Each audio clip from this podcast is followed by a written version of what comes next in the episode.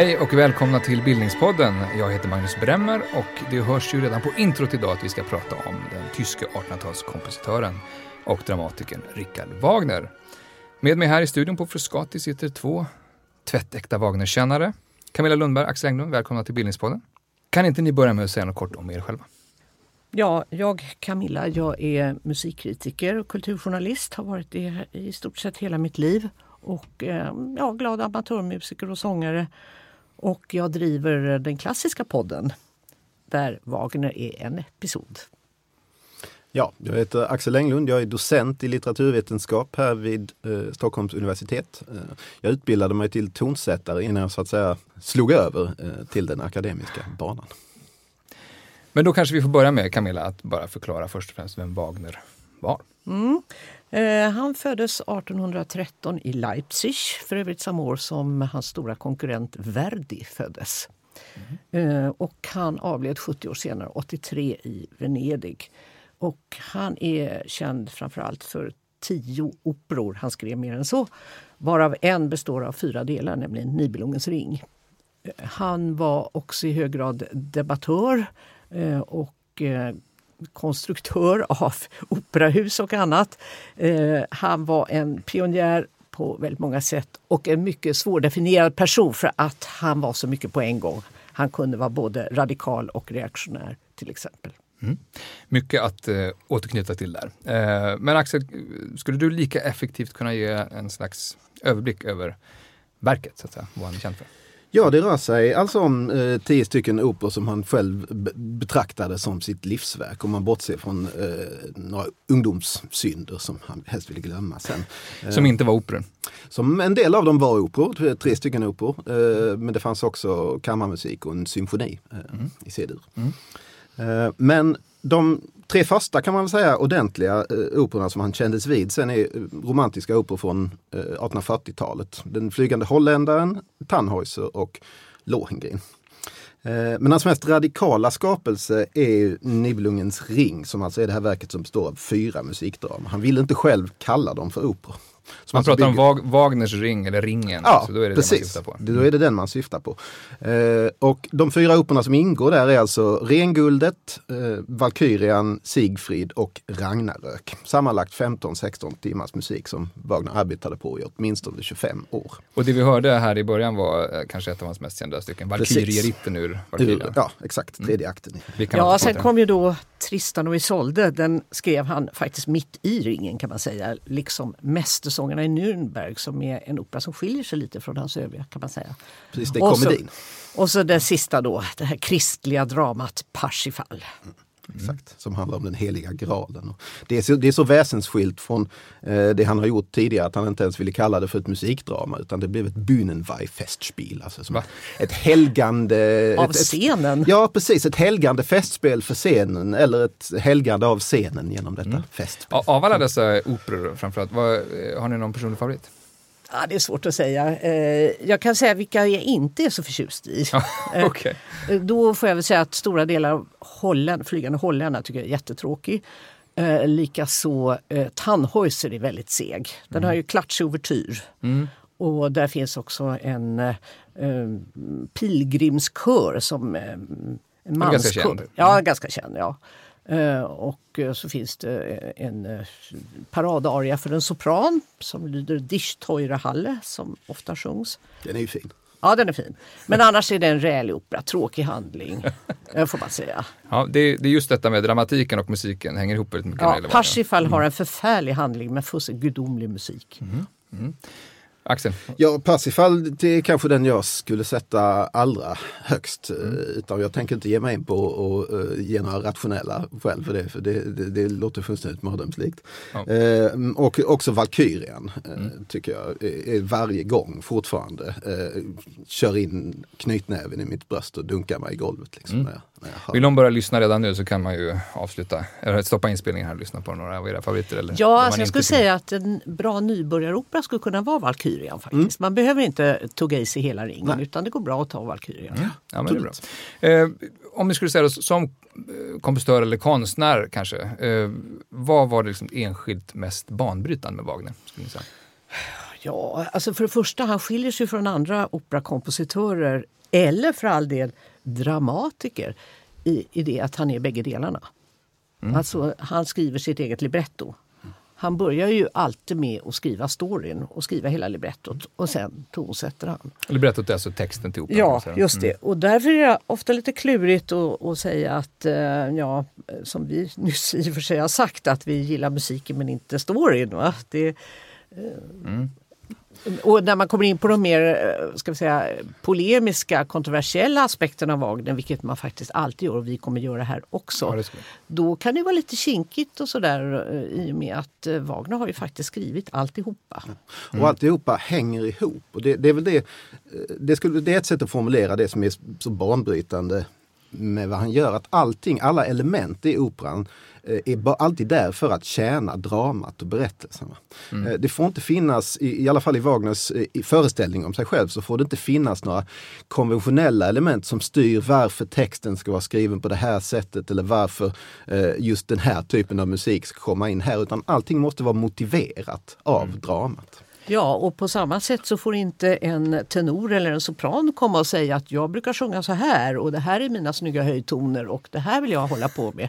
Det var annars vanligt? Eh, det var väldigt vanligt. Mm. Men det hör ju också till bilden av Wagner eh, att han ville alltså helt staka ut en annan riktning än den som var giltig för operakonsten på hans tid i mitten av 1800-talet. Mm.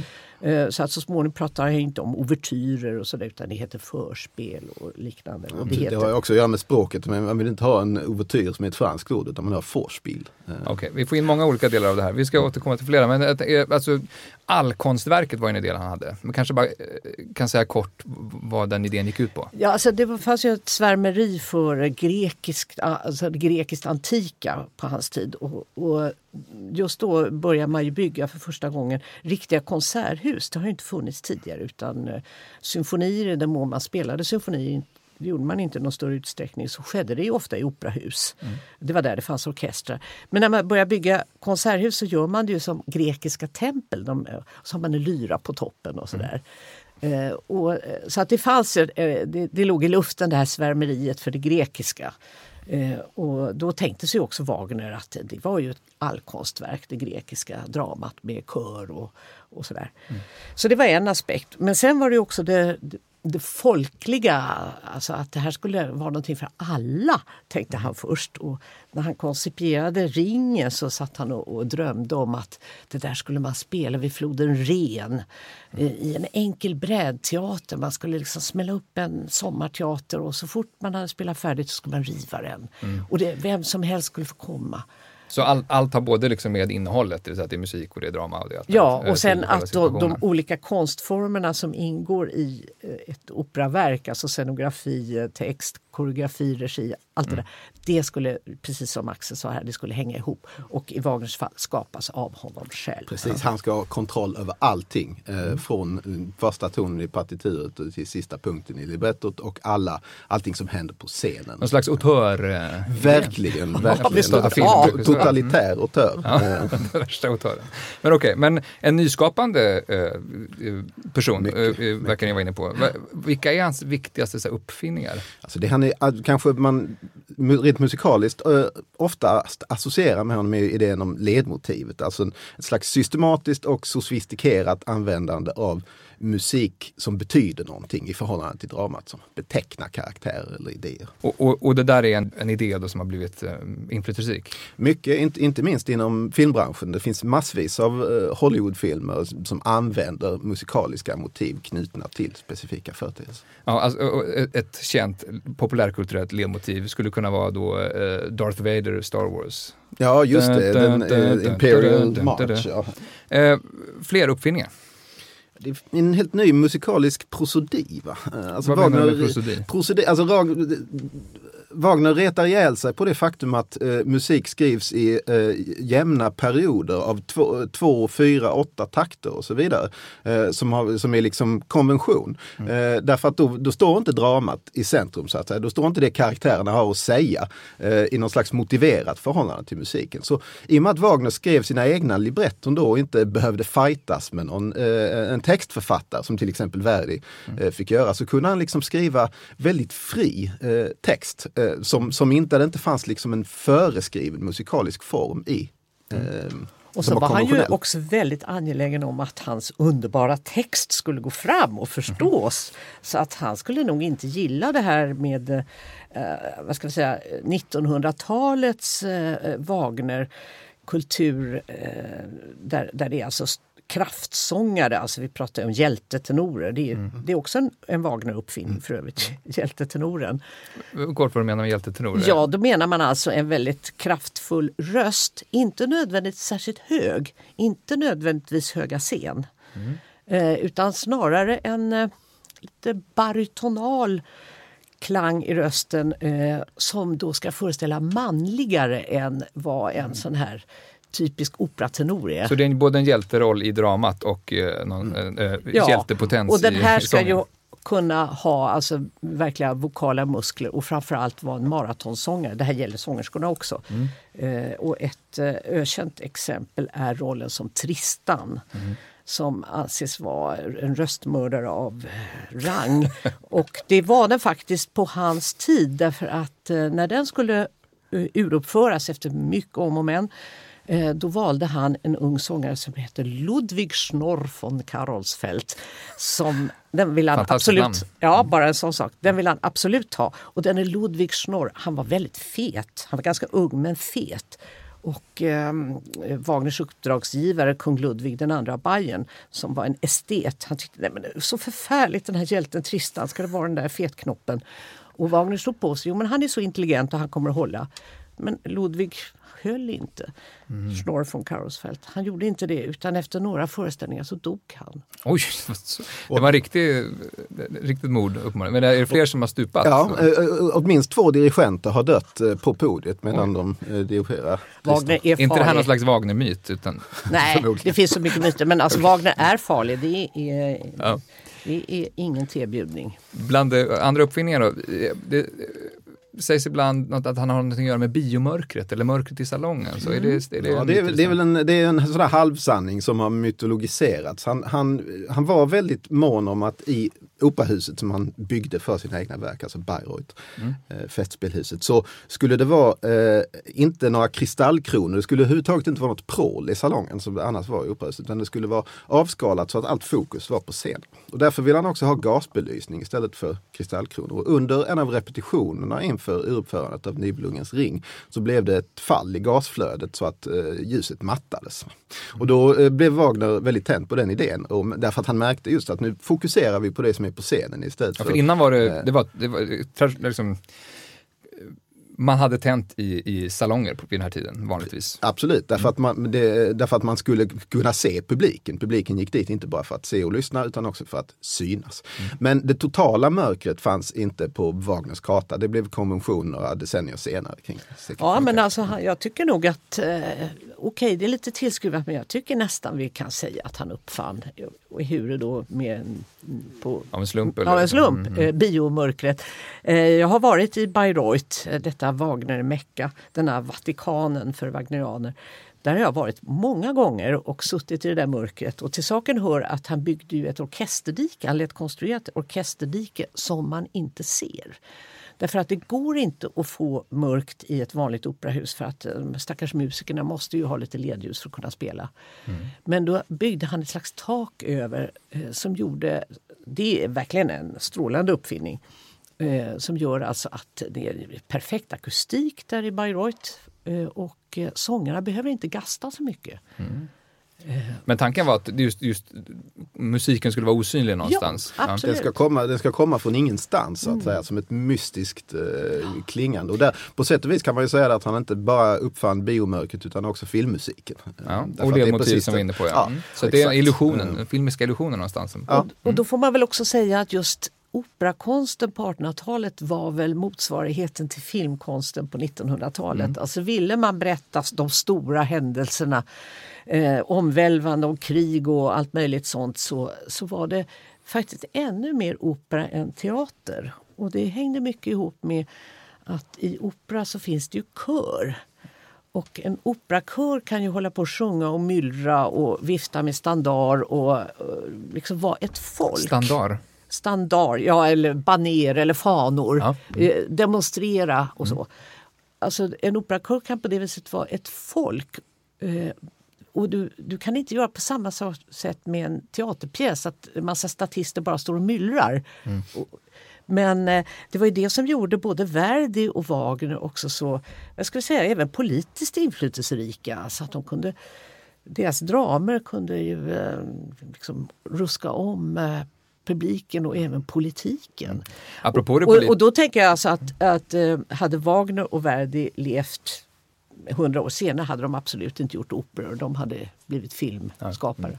Apro- Apropå det politiska, ni har ju varit inne på det lite grann redan, men det är en, en, en kontroversiell figur på många sätt, eh, också ideologiskt. Så kan ni sammanfatta vad det, vad det, vad det i det kontroversiella ligger? Alltså för det första så var han ju revolutionär helt enkelt. Han växte upp under en tid, eller var ung under en tid, 30-40-talet eh, i Europa, där eh, ett revolutionärt patos grydde eh, i alla möjliga länder. Och han engagerade sig i det, i pressfriheten, i eh, parlamentarismen, i fria val och så vidare.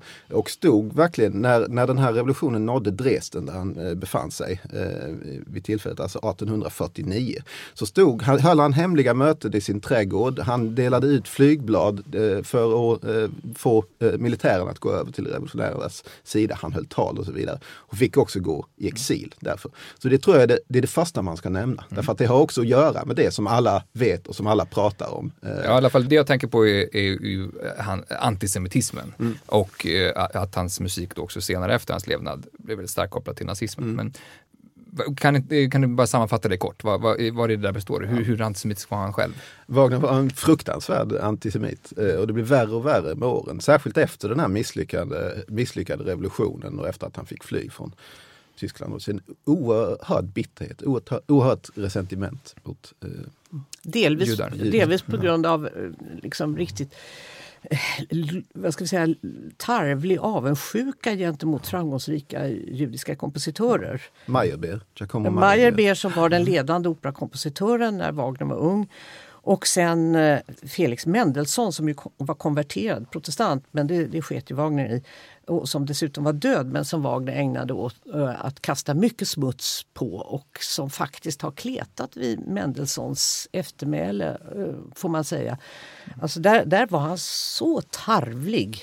Eh, och den här antisemitismen så småningom späddes på när han hade slagit sig ner i det här Bayreuth och var liksom en firad storhet som satt och höll hov där.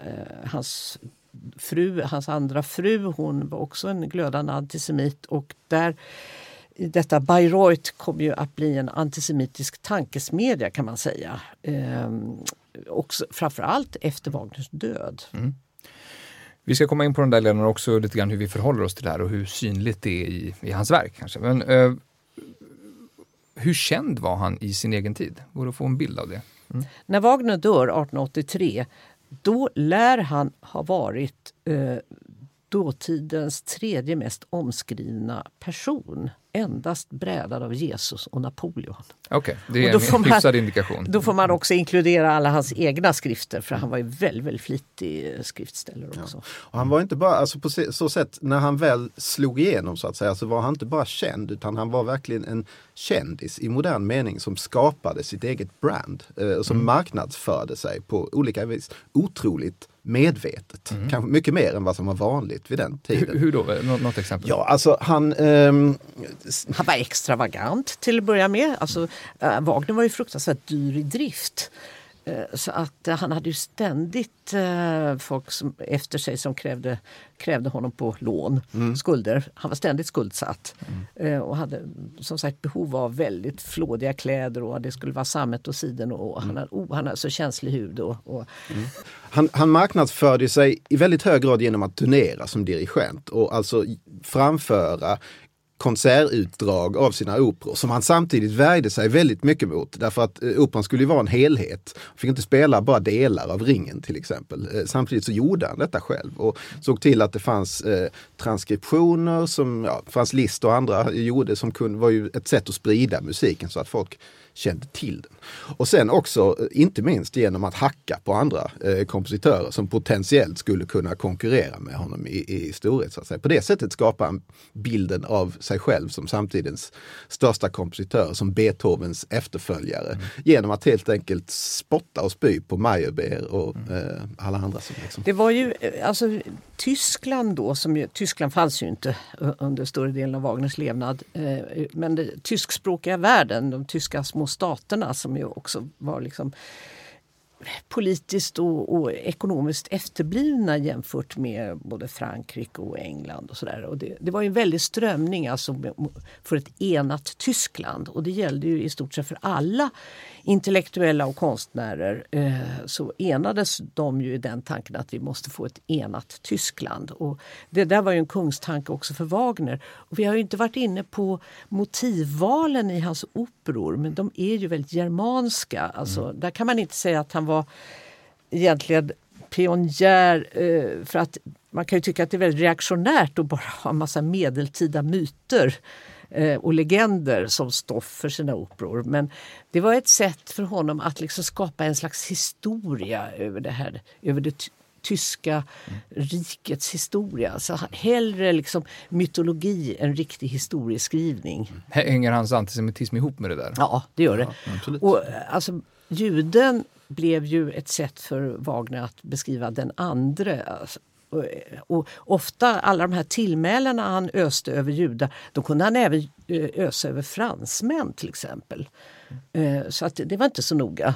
Men idén var ju att få liksom den här kontrasten till det önskvärda, nämligen det tyska.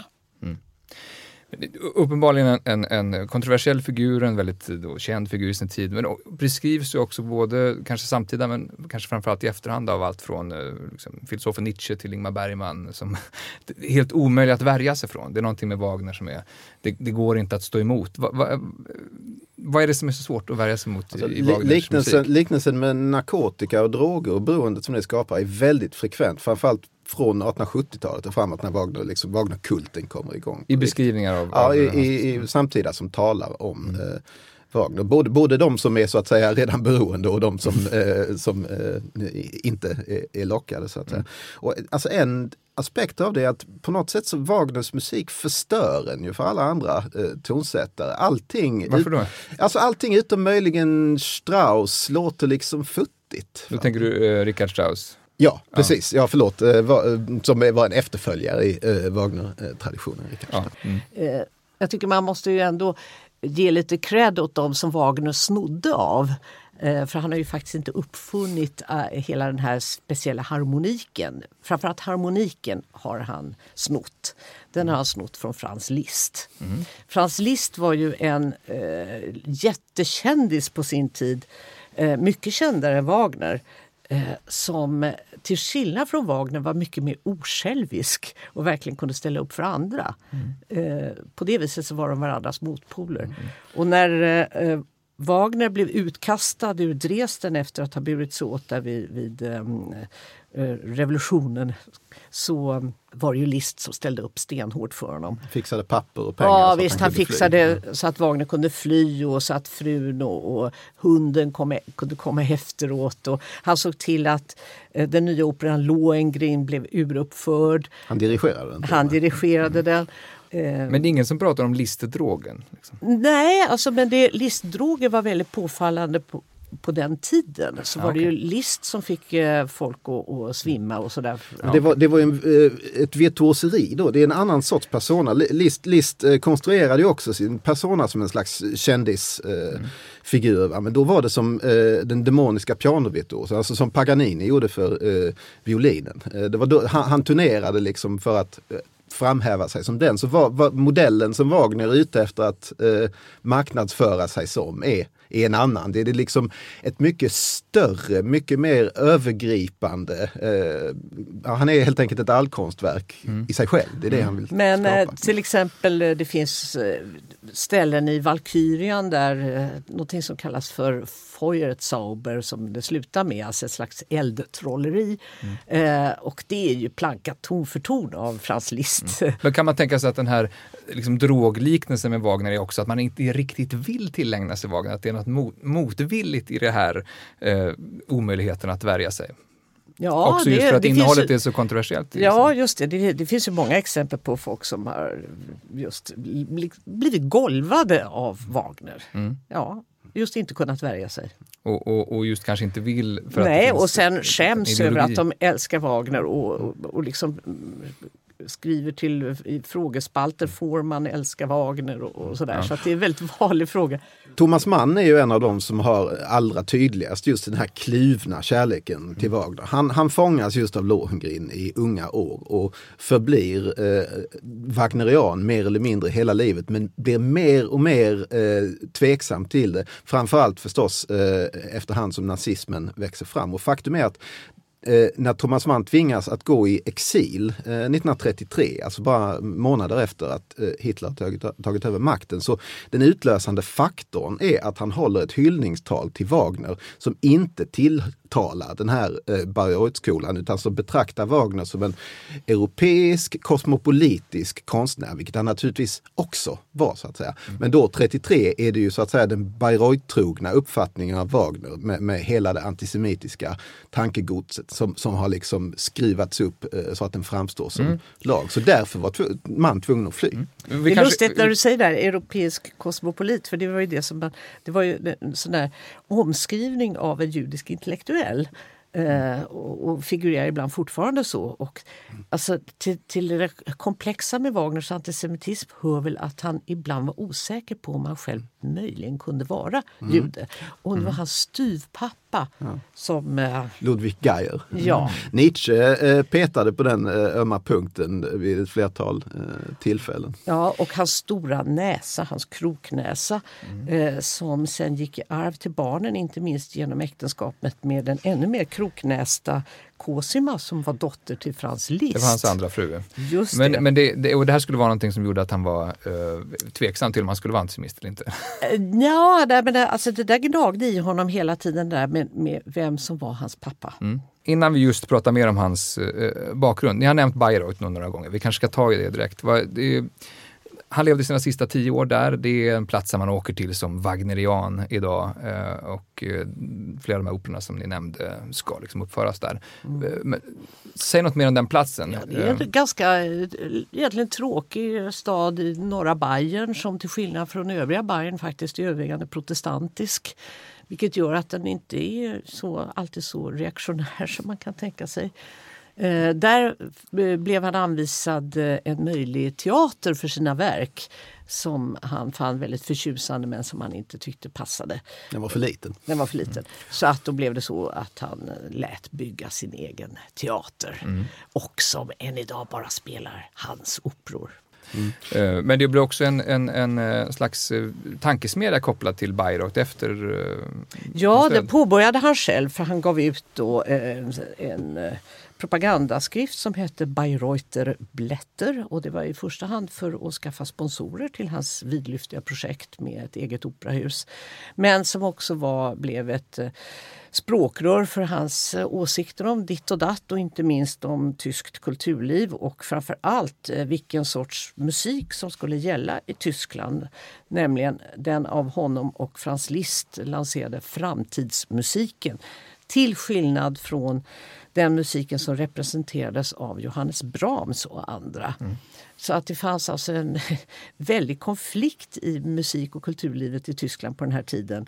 Alltså vem, vilken musik är framtidens, vilken är tyskast, vilken har mest, eh, är mest en naturlig fortsättning av den store Beethoven. Det där höll man på att trätte kring. Mm.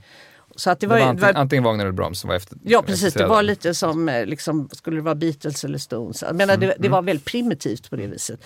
Men eh, det där blev ju så småningom och faktiskt framför allt efter Wagners död får man säga ett, eh, en tankesmedja för, för just tyskerier, alltså, eh, ja, alltså antisemitiska teorier. och mm och på det viset vad ska vi säga, slags källskrifter för de nazister som komma skulle. Och vi, vi kanske ska också tillägga att eh, Wagner hade ju absolut ingenting med Hitler att göra. Det finns ju de idag som undrar, ja, var inte han Hitlers kapellmästare? Nej och åter nej. Wagner var stendöd när Hitler föddes. Mm. Ni har båda varit i Bayreuth och lyssnat på mm. eh, operor där.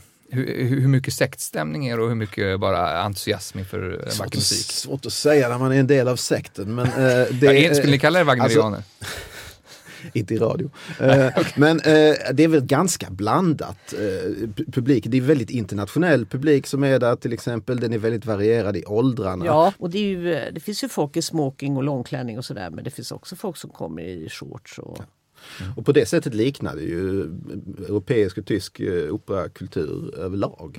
Eh, Ja, innan vi djupdyker i verket och hur man förhåller sig till det. Eh, kort bara om liksom, Wagners person. Var kommer han ifrån? Han kom från en teaterfamilj, det gjorde han. Eh, hans biologiska pappa, så vitt vi vet, eh, dog när han var bara låg i vaggan och var bara några månader gammal. Och mamma Wagner som hade en stor barnaskara, mest döttrar, gifte om sig med en skådespelare och målare som heter Geijer. Och som väl kan ha varit jude. Eh, ja, i alla fall trodde nog Wagner det. Och Wagner hette, tills i tonåren så hette han Va- eh, Geijer. Mm. Och den här styvfadern var väldigt viktig för honom eh, för att det var genom honom som han kom in i teaterns värld, fick eh, spela småroller och eh, sen hade han ju flera systrar som var framgångsrika skådespelerskor och eh, operasångerskor. Så att eh, han var verkligen ett teaterbarn. Är det där som hans liksom, konstnärliga bana börjar någonstans? Var börjar man se det någonstans? Ja, det ser man väl väldigt tidigt. Eh, Och, eh, familjen flyttade till Dresden som ju var en operastad på ett annat sätt än Leipzig. Och där eh, fick den unge Wagner eh, uppleva en mycket inflytelserik opera på den tiden, Friskytten av eh, Weber. Och eh, det var en väldigt tysk sagoaktig opera som byggde mycket på tyska myter och det här med jägare och skogsromantik och sånt. Och den, eh, den blev han väldigt tagen av och jag tror att eh, styvfar spelade i den där eh, föreställningen också. Så att, och Var det sen- musikaliska influenser? Det Ja, det, det, som han... det hör man ju väldigt mycket just. eh, Weber har präglat honom mycket. Och, så får man väl också säga att han gifter sig ganska tidigt med en skådespelerska också, så det spelar också in. Ja, han- det var ett par, eh, ett väldigt stormigt äktenskap och eh, ett andra lite senare. Eh, Minna Planner hette den första frun. Vem var hon? Ja, hon var skådespelerska några år äldre än han. Hade fått ett utomäktenskapligt barn när någon hade våldfört sig på henne när hon var 16 år. Eh, En flicka som då mm, brukade lanseras som hennes syster. Det här var väldigt vanligt på den tiden att man hade en, en kvinna kunde ha en mycket yngre bror eller syster som ofta då var eget barn och sådär. Eh, och eh, Wagner fick väl ibland försörja den här dottern också men i huvudsak var det ju eh, hon som försörjde Wagner länge. Det är ju mycket, mycket ett mönster upprepar sig i Wagners biografi. Han, han, som sagt så spenderar han väldigt mycket pengar eh, och är alltid, eh, i, är alltid skuldsatt. Så ett vanligt mönster är att han liksom, eh, får boende någonstans, får stöd eh, och på det sättet kan liksom leva och arbeta. Och sen så inleder han någon form av, av affär med sin välgörares hustru eller dotter och tvingas eh, fly i panik därifrån till, till nästa ställe.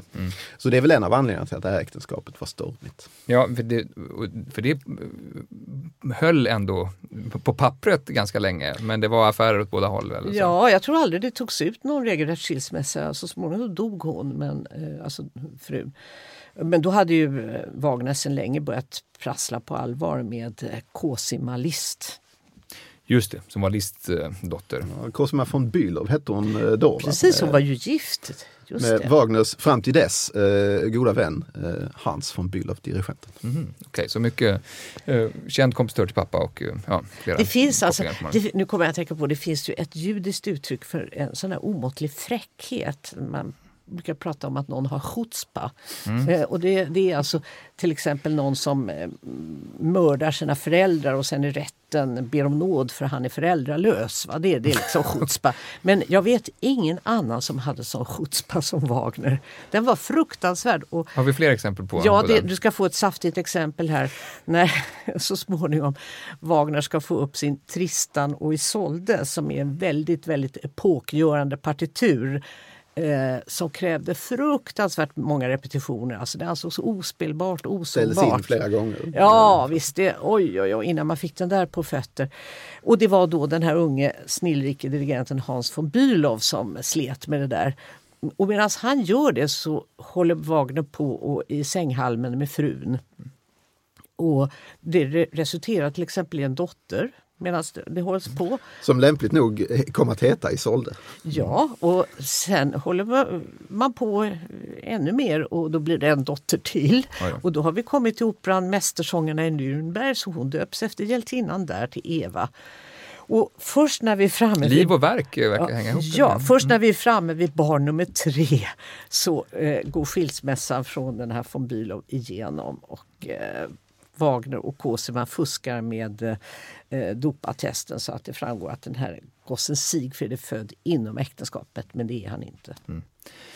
Okej, jag tror vi lämnar det där. Det räcker kanske. Det räcker nog, vi får en bild. Men alltså, ni nämnde också att han levde i exil eh, i 12 år. Det hade politiska förtecken, som du var inne på Axel. Eh, bara något kort mer om det.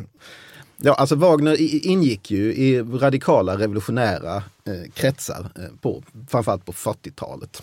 Eh, och eh, stod verkligen på barrikaderna som sagt eh, när revolutionen bröt ut. Och naturligtvis blev han efterlyst av myndigheterna. Det dök upp wanted posters på olika ställen och han var tvungen att fly. Hals över huvud fick alltså hjälp av Franz Liszt för att ta sig ut ur landet och hamnade i Schweiz. Schweiz var, var första destinationen. Hur länge levde han där? Många år faktiskt. Och det, Eh, alltså det var ju synd om honom. Man tänker när, när den där operan Lohengrin då hade urpremiär, då får alltså Wagner inte vara med. Va? För då sitter han där i Zürich och vännen Liszt eh, uruppför den i Weimar där han är chef. Och Wagner sitter då på krogen Svanen och, och sjung, med partituret och sjunger med. Han har, har ställt klockan så han vet precis när föreställningen börjar. Och så sitter han och sjunger med i hela operan. Det, det är faktiskt riktigt. Då kan man bli lite rörd över Wagner när man hör det. Det är svårt att bli rörd av honom annars. Men Hur var annars hans liv i, i exil? Så, för han Ja, alltså, det är ju Venedig där- och Paris var han också. det, alltså där i, i Schweiz så får han ju faktiskt eh, tid. Han, det är ju där han koncipierar ringen till exempel. Eh, och, Vilka år är det då ungefär? Ja, alltså han kommer dit 49 och eh, då har han börjat skissa på det här med ringen. Och då, då skriver han ju storyn först och han börjar ju då i slutet. Så han börjar med att hjälten Sigfrid dör. Och sen, arbet, sen inser han att nu måste jag förklara lite mer varför han måste dö. Och då har vi en förklaringsopera innan som handlar om hur han är hjälte. Jaha, men var kom Sigfrid ifrån? Ja, då måste vi nästan gå in på hans föräldrar och då får det bli Valkyrian. Ja, just det, men hur började egentligen allting? Och så han skriver den baklänges, diktarna baklänges. Sen tonsätter han den framlänges så att säga.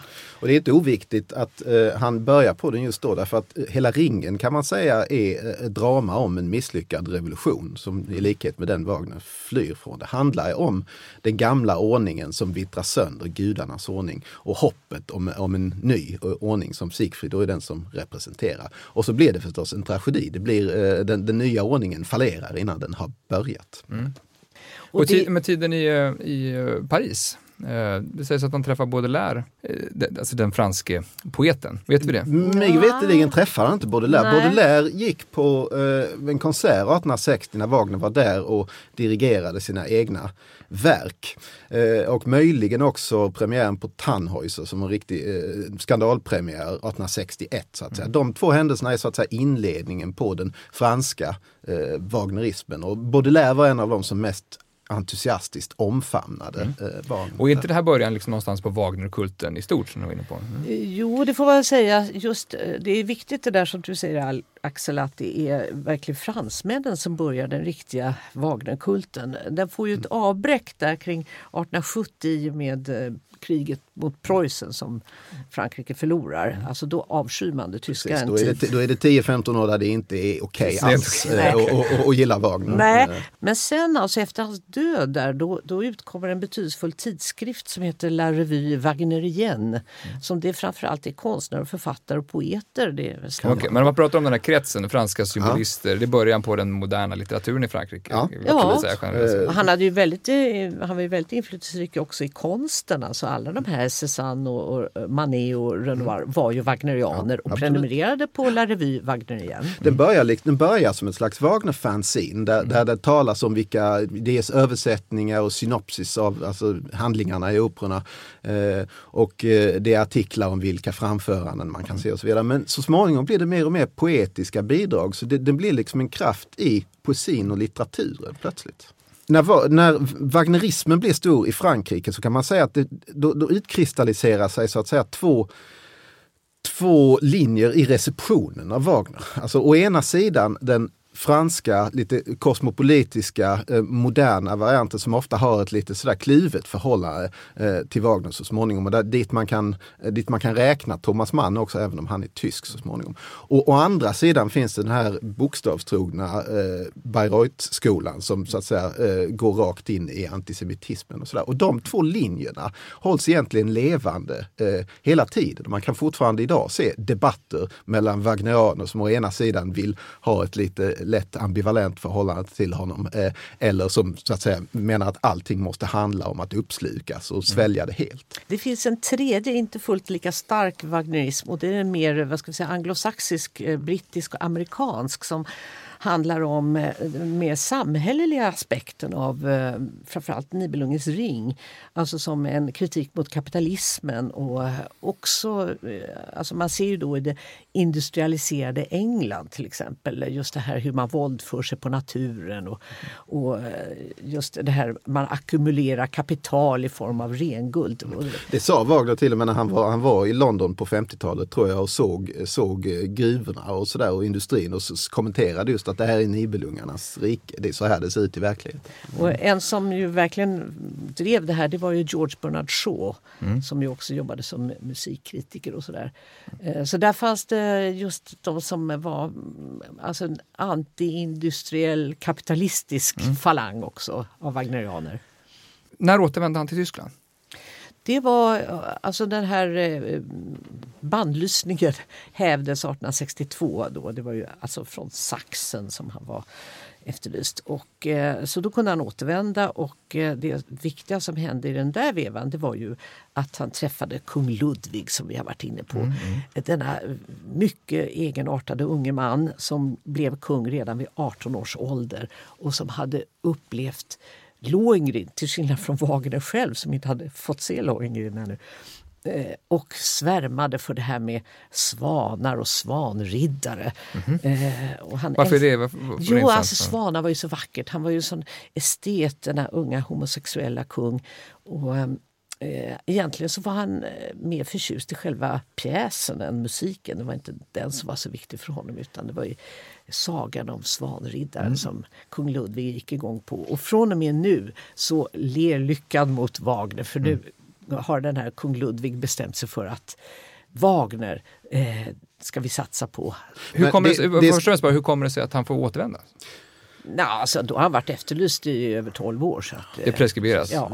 Det är ju, alltså just den här vändningen när, när Ludvig dyker upp i hans liv. Det är, så, det är så mycket för bra för att vara sant så det är, det är inte klokt. Alltså han, då har han verkligen då har han varit liksom skuldsatt så oerhört länge och, och flytt av olika skäl från, från eh, gäldenärer och eh, arga äkta män och sådär. Och känner att han är på väg att ge upp då i början av eh, 1864 och, och det kommer aldrig att gå. Det här stora verket Nibelungens ring som han har jobbat på i eh, 10-15 år, det kommer inte att gå att genomföra. Det är omöjligt. Och då blir han uppsökt på sitt hotellrum av ett sändebud från kung Ludvig som mer eller mindre eh, vill bara betala eh, för alla hans minsta eh, nycker. Det låter som en dröm för, den Ja, men det var ju det förstår du. Det, Ja. det, det är en fantastisk saga. Ja, det är det. Exakt. Vilken är den liksom mest kreativa perioden i hans liv? Är det den här? Han är, han är ju märkvärdigt kreativ. Alltså det, där måste man ju verkligen beundra Wagner alltså för vilken otrolig ihärdighet och kreativitet som den mannen ådagalade. Ja. Det, det, det är utan motstycke. Det är säga. väldigt, väldigt maniskt över det. Alltså, Egentligen oavsett om han kämpar med eh, pengaproblem eller om han liksom kan leva i lyx eh, för att han blir sponsrad av en kung. Så han arbetar lika intensivt, skriver lika mycket musik och skriver text, skriver hyllmetrar av eh, text alltså. Eh, en graffoman. Ja, det, eh, och som sagt han behövde ju då naturligtvis en stab av folk omkring sig så att när, i takt med att han blir mer etablerad och berömd så är det ju många som nu svärmar kring honom och passar upp honom på olika sätt. Och, eh, bland annat många unga kompositörer och musiker som får eh, slita som hans kopister som Mm. alltså skriver ut stämmor då. Och en sån, det är ganska lustigt, eh, eh, som jobbade som kopist eh, när Wagner höll på med Mästersångarna i Nürnberg. Det var Johannes Brahms. Ja, och de där skulle ju sen... han var del av eh, fabriken Wagner? Ja, en kort tid så var han det faktiskt. Han var ju 20 år yngre än Wagner men eh, eh, kom ju att sen lanseras som Wagners absoluta motpol och de kom att kasta skit på varandra faktiskt. Eh, bägge två, det gjorde de. Om vi skulle zooma in på någon del av verket, kanske det ska vara på ringen som ni har nämnt några gånger. Alltså, skulle någon vilja sammanfatta handlingen kortfattat? Det handlar alltså om fyra operor, va? Hoppsan så. Ja, ja, men jag, kan, jag kan göra ett försök. Alltså, eh, det här det hämtas ju från eh, nordisk mytologi, eh, alltihopa. Eh, Alberich, eh, den elaka Nibelungen, eh, stjäl renguldet av rendöttrarna på botten av floden Ren. Alltså med det smider han en ring som eh, ger sin bärare all makt i världen. Eh, Lite som Sagan om ringen. Lite som Sagan om ringen. Det finns, Tolkien har lånat mycket från eh, Wagner. Eh, och sen handlar det om hur Wotan, eh, alltså Oden, gudarnas eh, kung, har byggt eh, sin borg Valhall. Och för att göra detta så har han alltså lovat bort Freja, kärleksgudinnan, till jättarna som har byggt den som, som betalning.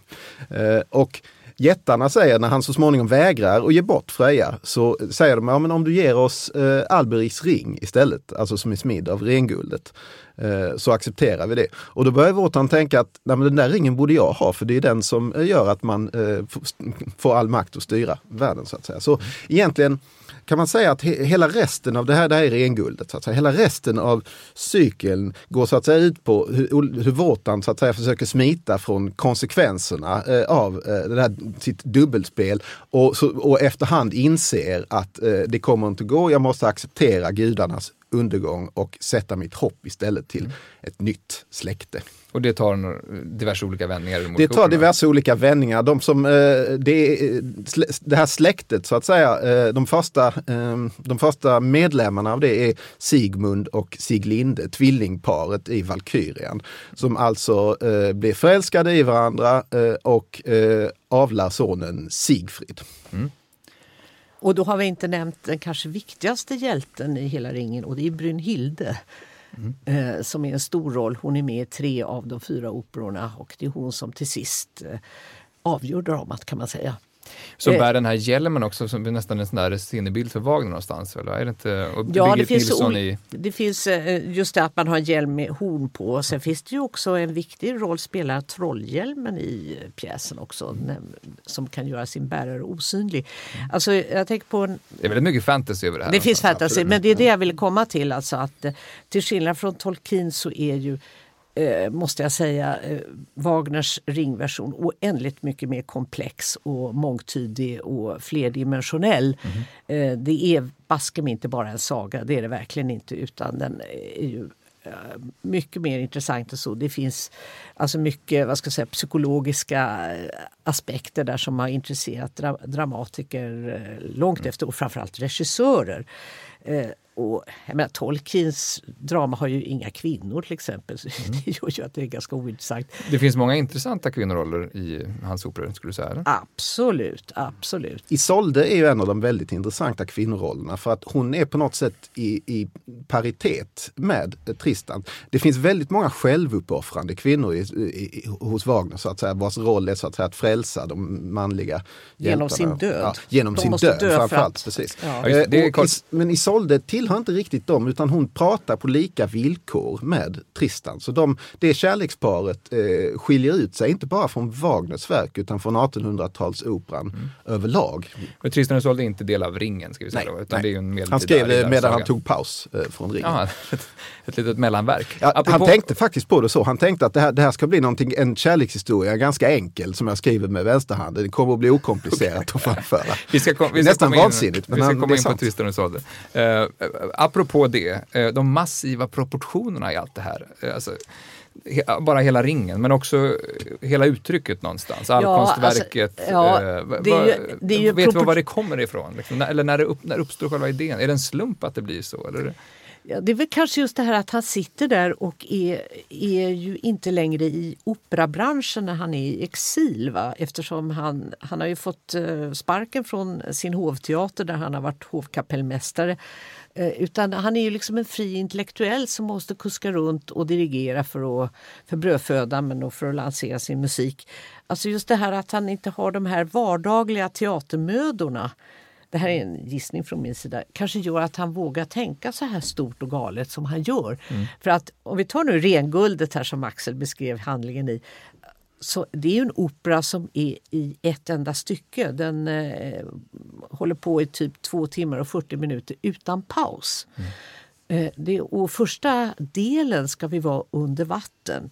Andra delen så ska vi vara uppe i eh, Valhalls eh, fjällvärld. Och i tredje delen så ska vi vara nere under jorden. Alltså rent scenografiskt, hur löser man det? Men, så att, det, där har du också de här gigantiska anspråken. Mm. Ni sa att han stal som kompositör en hel som, som då dramatiker eller författare. Nej, där är han kanske pionjär. Ja, det tycker jag nog. Alltså, det finns någonting eh, i mig som invänder mot det här att, alltså, att, att han skäl. Naturligtvis, han, han snor ju idéer från folk, men det som gör att det blir anmärkningsvärt är att han hävdar hela tiden att det är så radikalt nytt som ett mm. sätt att, så att säga, framställa sig själv som den, den store förnyaren. Och han gör någonting med lånen också. Då, ja, ja, ja, vi, Men apropå mm. texterna, innehållet i berättelserna, så, är, är det, det här är fria fantasier från hans del? Nej, nej, alltså har, de, har alltid, de har alltid källor, historiska eh, mm. källor eh, som medeltida eh, skrifter eller återberättande. Mm, men att han har mixat upp det till ja, en absolut. Sen hittar han ju på en slags egen låtsastyska eller vad man ska säga som ska föreställa väldigt uh, uråldrig. Mm. Den allittererar, alltså det är så oerhört många ord som börjar på samma bokstav så att säga. Det, och det är ett sätt att imitera en fornnordisk vers. Hur då, uh... Ja, så... Vred, vart, vingtor är det klassiska exemplet ur nordisk eh, eh, folkning. Alltså eh, ord som börjar, versen konstrueras genom att orden börjar på samma begynnelse ljud mm. istället för att det är stavelser som räknas eller det kommer rim på slutet. så att säga. Mm. Och det här är någonting när Wagner börjar skriva libretto till ringen så får han den här eh, idén att ja, men jag skriver det så här för att det ska liksom vara eh, sant mot källorna i någon mening.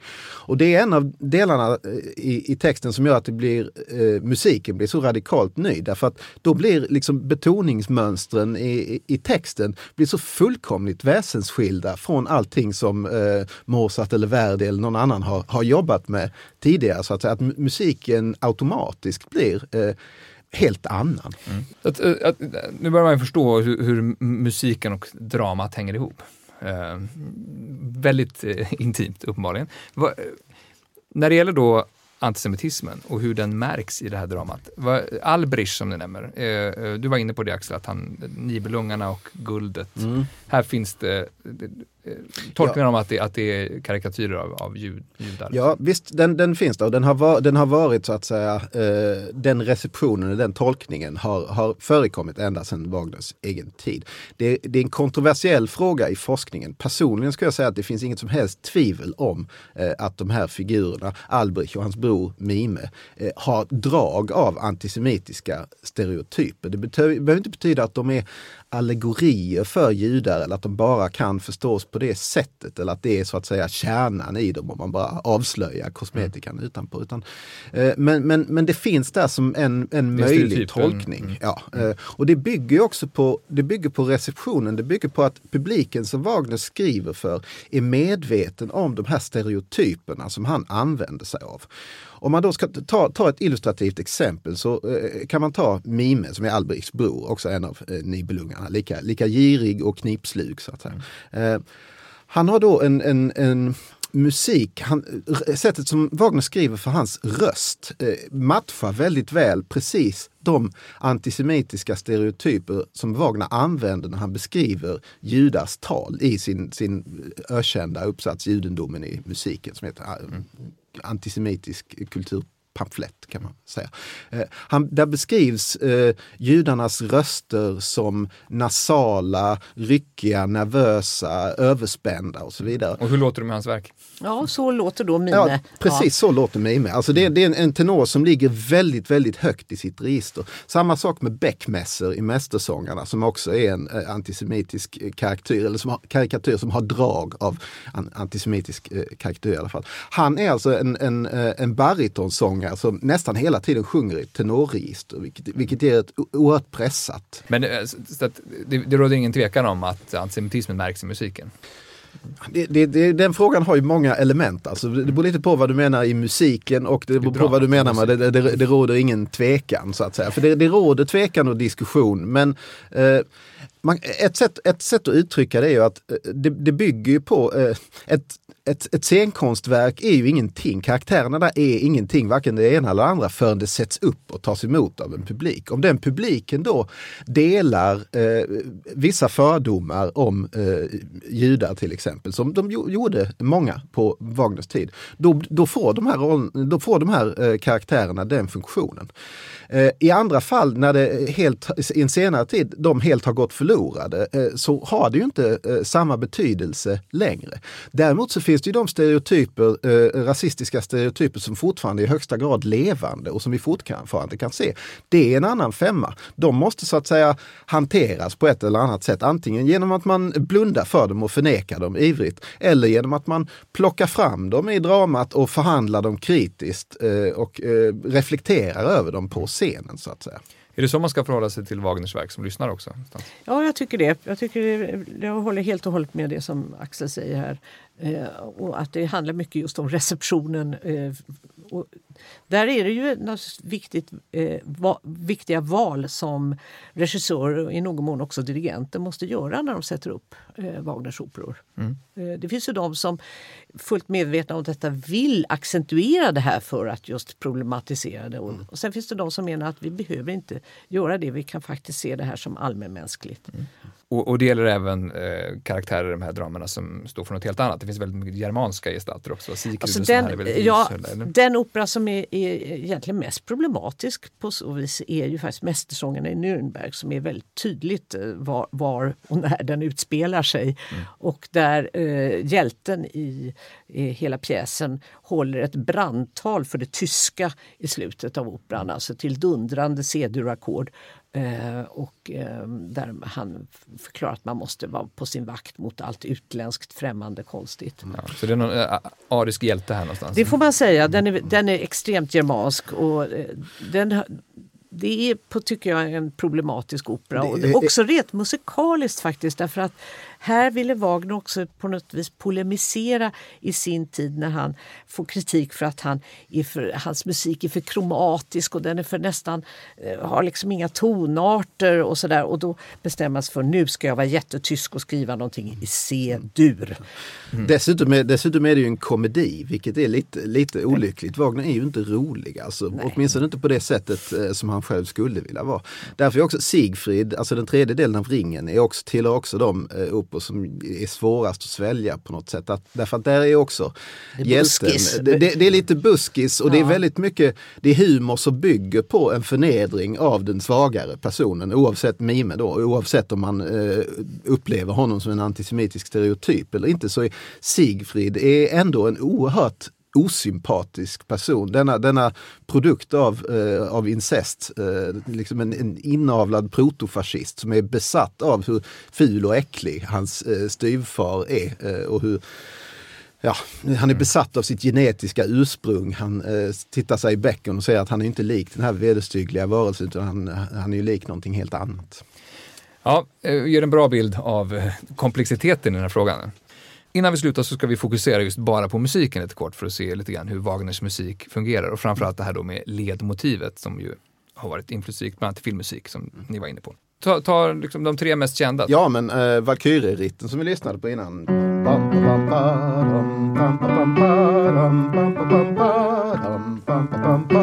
Alltså mm. Brynhilde, en av de nio valkyrierna, Våtans döttrar, krigar jungfrurna. Mm. Och som man också hört som ett annat ett ledmotiv för stridshelikoptrar i Vietnam i Francis mm. Ford Coppolas Och det, det, det plockade Coppola faktiskt från eh, nazisternas eh, eh, propagandafilmer. Hitler Mm. eh, använde helt enkelt den musiken eh, i en reklamfilm för eh, Luftwaffe. Ska du ta svärdet kanske? Ja, just det. Svärdet. Ja. Det är alltså ett svärdet i, vilket svärd? Det, är, det är svärdet Nortung som eh, Wotan lovar sin son eh, Sigmund. eh, Mm. för Lite som ett ska- Excalibur. Lite, Lite som ett Excalibur, det dras ut eh, ur, det sitter fast i ett askträd. Och askträdet är förstås Yggdrasil, det är inte vilken ask som helst. Just det. Det- Visst finns det också det en, en bröllopsmatch som är väldigt känd, men det är inte ett ledmotiv Nej, kanske? det är inget ledmotiv. Kan du bara Alltså, spela då- kort hur det låter? Ja. Tai, tai, ta, tai, tai, tai, ta, tai. Det har nog många lyssnare hört på, eh, på bröllop eller på filmbröllop kanske särskilt. Mm. Det har tagit, tagit rollen av ett ledmotiv efter Wagner, även om det egentligen inte har den funktionen i själva operan. Ah, Okej, okej. Eh, Valkyriet är det, eh, det mest kända kanske, men det mest mytomspunna är väl det så kallade Tristan-ackordet. Varför är det så mytomspunnet Camilla? Eh, jo, men det finns ju de som spetsar till det och säger att här börjar den moderna musiken. I och med Tristan-ackordet så upplöses tonarterna och vägen har öppnats mot den atonala musiken. Ja, det är att ta i, men eh, det ligger någonting i det. Okej, Eh, ska vi titta lite närmare på det då? Axel, hur, vad är det för ackord först och främst? Ja, alltså så här låter det. Det är fyra toner. F, H, Dis, Giss. Och det, det är kopplat till eh, Tristan. Eh, Ja, inte, inte, nej, inte Tristan eh, som karaktär i dramat. Det heter Tristan-ackordet därför att det präglar operan i så hög grad. Om det är kopplat till någonting så är det en ofullbordad längtan och ett begär. Det ofullbordade verkar vara, verkar vara en grej med det här ackordet. Det är o, du, du, oupplösta och så vidare. Just det, det kan ju upplösas åt alla möjliga håll. Mm, precis. Då måste du förklara vad det, Ja, vad, alltså, vad det innebär. eh, det är ju ett, det är ett ackord som innehåller dissonanser eh, och, och därför är spänningsfyllt och labilt. Va? Man väntar sig att det ska upplösa till, sig till någonting annat. Va? Om Wagner hade använt det eh, på ett traditionellt sätt så hade han kunnat göra till exempel och landa i dur eller? Och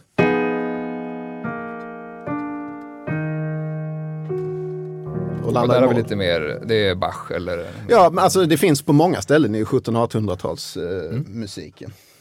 Eh, Så det är egentligen inte ackordet i sig Nej. som är det märkvärdiga utan det är ju det att det här ackordet på något vis är kärnan till någonting som eh, på, utvecklas genom hela denna långa opera och egentligen inte upplöses förrän precis i slutet. Alltså i det som kallas för Isoldes kärleksdöd. Och då ska vi ha, alltså Isolde dör av kärlek. Eh, men det, det är också en slags utlösning, det är en slags eh, egentligen ett enda långt samlag kan man säga också att Tristan och Isolde är. Det anses ju vara Wagners mest erotiska opera och, och det, det är det ju också. och att det, det, orgasmen kommer först efter fyra timmar i stort sett. Ja, alltså vi, jag menar, vi vet ju, det var väl Bellman som pratade om den lilla döden till exempel, eller hur?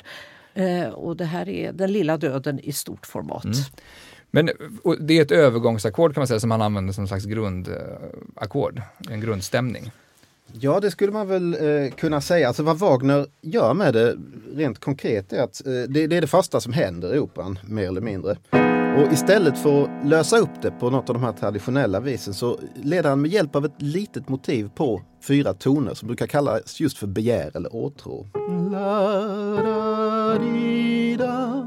Så leder han det till ett nytt spänningsackord som blir hängande i luften. Och det är denna spänning som så att säga hela tiden i förspelet stegras och stegras och växer och växer och egentligen i hela operan. Som sagt. Vi, vi kan lyssna lite grann på, på inledningen. Det är förspelet till Tristan och Isolde. Eh, det, det här ackordet kommer nästan direkt väl? Precis, det allra första som händer är en, eh, ett litet motiv i cellon som Wagner markerade langsam und schmachten, alltså långsamt och smäktande. Ja, det vill vi, vill vi höra.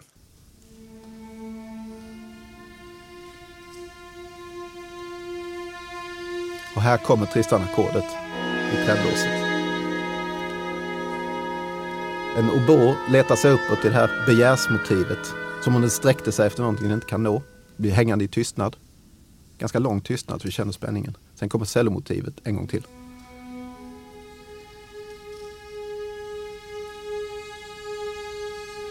Och så Tristan-ackordet igen.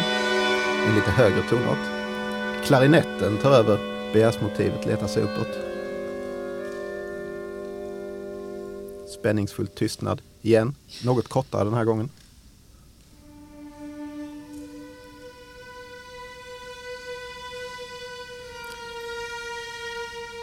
Tristan-ackordet i en tredje tonart. Här får Orbon tillbaka begärsmotivet, letar sig uppåt. Denna gång går det vidare och imiteras av träblåset, flöjterna. Ständigt denna intensiva spänning. Violinerna imiterar de två sista tonerna här i begärsmotivet, Sväller med dem. Och flöjterna tillbaka det. Och så kommer ett utbrott i hela orkestern.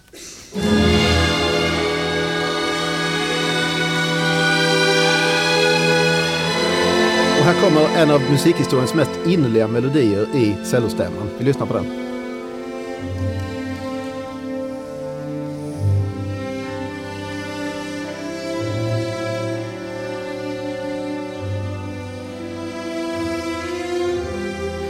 Och så där spinner det vidare och vidare hela tiden utan att någonsin landa på en eh, vilopunkt.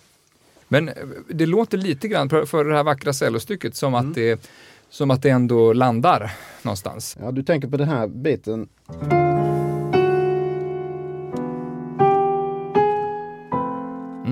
Det är vad man kallar för ett bedrägligt slut. Och där kan man Eh, säga, och så går det vidare Trist- direkt Där också. kan man säga Tristan och Isolde.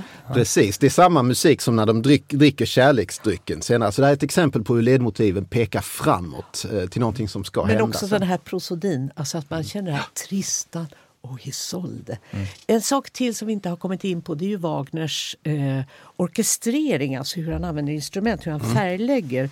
Och där är det väldigt, väldigt tydligt att hur just Åbön till exempel alltid får definiera något feminint. Mm. Eh, Alltså hans många kvinnogestalter eh, är nästan alltid ackompanjerade av träblås. Mm. Eh, Och det där är, är sen en slags det, är någonting som sen många kompositörer, inte minst i film, har övertagit från Wagner. Alltså, Det är, verkligen, det är ett jätteviktigt område för Wagners innovationer. Verkligen. Visserligen, där också Berlioz är en av de som han lånar mycket från där. Men det finns så oerhört mycket som är eh, splitter nytt i Wagners orkestreringsteknik. Alltså hur han låter instrumenten samspela, vilka klangfärger han använder. Och där är också eh, ett exempel på när han, han eh, behöver för ringen, för Valhall-motivet, alltså behöver han eh, en klang som låter som valthorn men som är mycket lägre. Vad gör han då? Lägger han den i trombonen då? Nej, det gör han inte utan han uppfinner ett nytt instrument, Wagner-tuban, eh, som eh, alltså konstrueras bara för att han behöver någon slags legering mellan hornen och trombonerna i det här temat och ska då erinra antagligen om bronslurar som har den här. Det kan ju den här eh, auteur-diktatorn uppenbarligen göra. Absolut. Och apropå det här moderna då, som ni var inne på med det här ackordet. eh, På vilket sätt har man menat eh, det banar väg för den eh, moderna musiken? Ja, det är ju helt enkelt faktiskt att det, du inte har en definierad tonart som liksom ligger längre än, än något ackord. Alltså att du inte känner att vi är hemma någonstans, att musiken går till slut går hem och lägger sig. Kommer hem. Alltså den eh, hemkänslan som det, den tonala musiken har, som vi fortfarande har i populärmusik och sådär. Det, den mattan rycker ju Wagner undan för oss. Fram- Samtidigt som det då förstås, eh, alltså det, om man tänker sig eh, hur Schönberg och Webern i, eh, så småningom upplöser tonaliteten helt och tar bort alla sådana här eh, vilopunkter så att säga. Det här är Så tyska här- och österrikiska kompositörer på eh, Ja, det är de som vi, vi 1900-talet. förknippar med tolvtonsmusik där man alltså reglerar i vilken ordning som skalans tolv toner får komma, det vill säga de får inte upprepas. Just Ato- därför att atonal musik talar man Just atonal musik och just därför att ingen ton ska få rollen som ett, ett centrum så att säga, som är där man landar. Men här hos Wagner så är det ju hela Det tiden är så den att klassiska musikens frias, fast väldigt uppstyrt kan man Ja, säga. det skulle man kunna säga. Men i, i Tristan är det hela tiden så att det, det finns eh, en känsla, en medvetenhet om att, att det skulle kunna finnas ett tonalt centrum som man landar i. Det är bara det att man aldrig gör det. Tonaliteten är aldrig helt upplöst. Det blir aldrig atonal musik utan poängen med de här spänningarna, alltså när musiken aldrig kommer hem, det är att vi är hela tiden medvetna om att det finns en kontext där den skulle kunna komma hem. Alltså det finns ett ackord som vi skulle kunna landa på, men det gör inte det. Hade det inte varit eh, så hade vi aldrig kunnat få den här effekten av en ouppfylld eh, längtan. Mm. Vi gör så att vi avslutar programmet med att lyssna på Isoldes kärleksdöd och när musiken så att säga, kommer hem. Eh, vad hör vi då? det här är alltså precis ögonblicket när Isolde dör, när hon sjunger högste lust, den högsta lusten. Då upplöses eh, det här ackordet till ett hemmaackord i H-dur. Då lyssnar vi på det. Tusen tack Camilla Lundberg och Axel Englund för att ni ville vara med. Tack. Tack. Tack också ni som har lyssnat. Vi är tillbaka om två veckor igen med ett nytt avsnitt. Tack och hej.